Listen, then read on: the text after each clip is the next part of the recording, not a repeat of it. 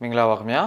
မြစည်းမရဲ့ဇန်နဝါရီလ3ရက်နေ့လယ်12နာရီအထိနောက်ဆုံးရသတင်းတွေကိုတင်ဆက်ပေးပါရမယ်ကျွန်တော်ကျော်စရာမြင့်ပါကင်းနီပြည်မှာစစ်ကောင်စီတပ်သား250နီးပါးတေဆုံးခဲ့ပါတယ်အိန္ဒိယမြန်မာနယ်စပ်မှာတော့အာတန်ရိုင်ဖယ်တပ်ကလက်နက်ခဲယမ်းတွေဖမ်းဆီးရမိခဲ့တယ်လို့ဆိုပါတယ်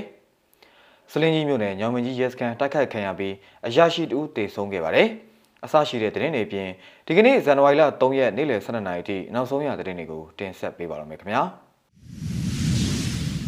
ပထမဆုံးအနေနဲ့ KNY ပြည်မှာစစ်ကောင်စီတပ်သား250နီးပါးတေဆုံးခဲ့တယ်ဆိုတဲ့သတင်းကိုတင်ဆက်ပေးပါမယ်။ KNY ပြည်မှာခုနလအတွင်းစစ်ကောင်စီတပ်သား250နီးပါးတေဆုံးခဲ့တယ်လို့ KNY အမျိုးသားများကာကွယ်ရေးတပ် KNDF ကပြည်သူကိုအစီရင်ခံတင်ပြပါဗျ။စစ်တပ်အာဏာသိမ်းပြီးမေလ19ရက်နေ့ကနေဒီဇင်ဘာလ31ရက်နေ့အထိတိုက်ပွဲပေါင်း130ကျော်ဖြစ်ပွားခဲ့တဲ့နောက် KNDF ကဥဆောင်တိုက်ခိုက်တဲ့တိုက်ပွဲပေါင်း82ကြိမ်ရှိခဲ့တာဖြစ်ပါတယ်။ အဲ့ဒီတိုက်ပွဲတွေအတွင်းအကြမ်းဖက်စစ်ကောင်စီတပ်ဘက်ကတေဆုံးသူ249ဦးရှိပြီးဒဏ်ရာရသူ149ဦးရှိခဲ့ကြောင်း KNDF ကထုတ်ပြန်ထားပါတယ်။အလားတူ KNDF ကဒဏ်ရာရသူ24ဦးရှိခဲ့ပြီးတိုက်ပွဲအတွင်းကြာဆုံးသူဟာ73ဦးရှိခဲ့ကအရသာပြည်သူတေဆုံးမှုမှာ146ဦးအထိရှိခဲ့တယ်လို့သိရပါတယ်။လက်ရှိအချိန်ထိဆိုပါက KNDF မှာတပ်ရင်း18ခုရှိပြီး16ရင်းကိုတင်းပြည့်ကြက်ပြည့်စနစ်တကျဖွဲ့စည်းနိုင်ကလက်နက်တွေတပ်ဆင်လျက်ရှိတယ်လို့သိရပါတယ်။ KNDF က KNI တပ်မတော်ရဲ့စီရေးဥဆောင်မှုကိုခံယူပြီးအခြားသောပြည်သူ့ကာကွယ်ရေးတပ်ဖွဲ့တွေနဲ့အတူဆက်လက်ပူးပေါင်းဆောင်ရွက်သွားမှာဖြစ်ကြောင်းနဲ့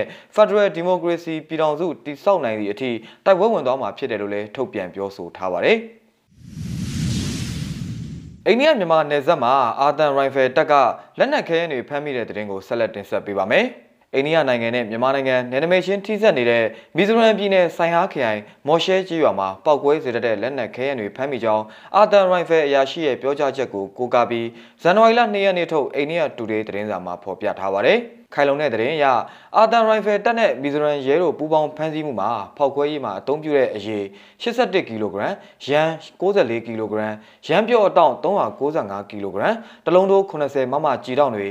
ခဲအက်ဆစ်ဘက်ထရီနဲ့နိုင်ငံခြားထုတ်ဆက်သွယ်ရေးပစ္စည်းတွေဖမ်းဆီးရမိကြောင်းဆိုပါတယ်။ဒီဇင်ဘာလ31ရက်နေ့ကဖမ်းဆီးရမိတဲ့ပစ္စည်းတွေကိုတရားဥပဒေအရအရေးယူဆောင်ရွက်သွားနိုင်ဖို့မီဇိုရမ်ရဲတပ်ဖွဲ့ကိုလွှဲပြောင်းပေးရခဲ့လို့လည်းဖော်ပြထားပါတယ်။ယခုလိုစစ်ပွဲတွေမှာအသုံးပြုနိုင်တဲ့လက်နက်ခဲယမ်းတွေတရားမဝင်တိုးလောင်ထားမှုဟာအိန္ဒိယမြန်မာနယ်စပ်မှာရှိတဲ့မီဇိုရမ်ပြည်နယ်အတွက်စိုးရိမ်မှုဖြစ်စေကြောင်းအဆိုပါစစ်တပ်အရာရှိကပြောကြားပါတယ်။ယခုခဲယမ်းတွေဖမ်းမိတဲ့မော်ရှဲရွာဟာမြန်မာနိုင်ငံချင်းပြည်နယ်မတူပီမြို့နယ်နဲ့နှီးစပ်တဲ့ရွာတစ်ခုဖြစ်ပါတယ်ခင်ဗျာ။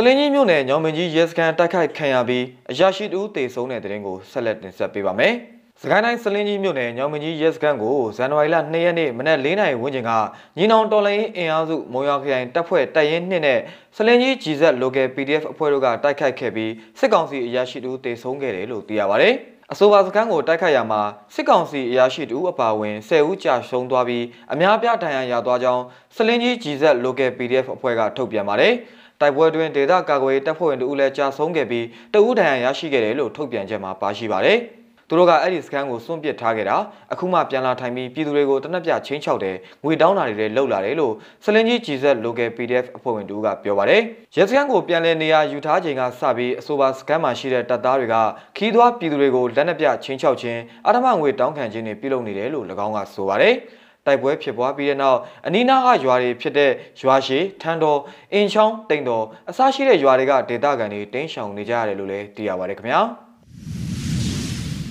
နောက်ဆုံးအနေနဲ့ပွင့်ဖြူပြည်တွင်းအခွန်ယုံဘုံနဲ့တိုက်ခိုက်ခံရတဲ့တဲ့တင်ကိုတင်ဆက်ပေးပါမယ်။မကွေးတိုင်းဒေသကြီးပွင့်ဖြူမြို့နယ်မှာရှိတဲ့ပြည်တွင်းခုံဦးစီးဌာနရုံးကိုဇန်နဝါရီလ၁ရက်နေ့မနက်ပိုင်းကလက်လုံဘုံနဲ့တိုက်ခိုက်ခဲ့တယ်လို့ပွင့်ဖြူ PDF ကထုတ်ပြန်ကြေညာပါတယ်။ပွင့်ဖြူမြို့မှာဒီဇင်ဘာလ29ရက်နေ့ကလေးကပုံမှန်တစ်လေးလေးထုတ်ပြန်ထားပြီးည8နာရီကနေမနက်4နာရီထိအိမ်ပြင်မထွက်ဖို့တားမြစ်ထားတာဖြစ်ပါတယ်။ မနက်9နာရီလောက်ကအုံကနေအတန်ကြားလိုက်ရတယ်နေမြင့်မှသွားကြည့်တော့အမိုးတွေလန်ပြီးတော်တော်လေးပျက်စီးသွားတယ်လူတော့ထိခိုက်တယ်မကြားဘူးလို့ပွင့်မြူမြို့ကန်လူငယ်တူကပြောပါတယ်စစ်ကောင်စီတို့အခွန်လေးတိုးကောက်ပြီးထောက်ပံ့နေတာကြောင့်လူချင်းငိန်ကိုရွေးပြီးတတိပေးဖောက်ခွဲရခြင်းဖြစ်ပြီးတိုက်ခိုက်ခဲ့သူမှာဘေကင်းလုံခြုံတဲ့နေရာကိုရောက်နေပြီလို့ပွင့်ဖြူ PDF ကထုတ်ပြန်ကြေညာထားပါတယ်ဘုံပေါက်ကွဲမှုပြီးစစ်ကောင်စီတပ်ဖွဲ့ဝင်တွေနဲ့ရဲတပ်ဖွဲ့ဝင်တွေဟာပွင့်ဖြူမြို့အဝင်လန်းနဲ့အထွက်လန်းတွေအားလုံးကိုပိတ်ဆို့ရှာဖွေစစ်ဆေးနေတယ်လို့သိရပါတယ်ခင်ဗျာ